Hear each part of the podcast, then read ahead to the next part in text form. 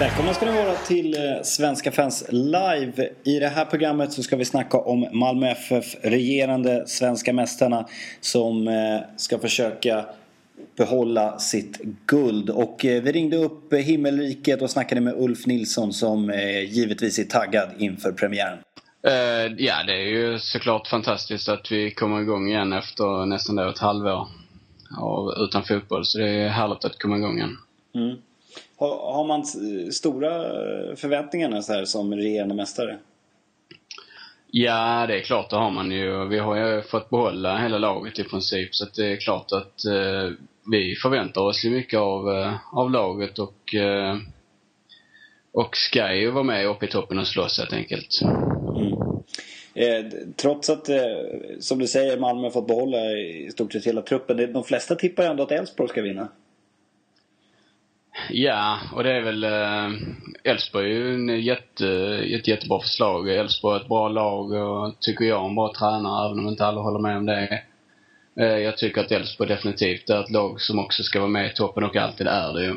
Och sen har vi då eventuellt då vi får någon form av baksmälla, till exempel att spelarna blir mätta eller att eh, ett eventuellt eh, Europaspel tar mycket kraft och tid. Mm. När man, när man pratar om MFF så, så många som pratar om den talangerna som ploppar upp och sådär och, och vi fick se Rexepe i, i fjol till exempel som eh, blommade ut lite grann.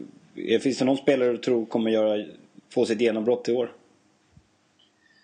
Eh, om vi tittar på helt nya spelare i den stilen som Dardan eh, köpte då förra året så tror jag kanske inte det. Men jag tror att en sån som Jimmy Durmaz verkligen kan få ett ordentligt genombrott i år. Det känns som han, eh, han har stått stilla och trampat lite nu men eh, nu är han redo att eh, ta över allsvenskan.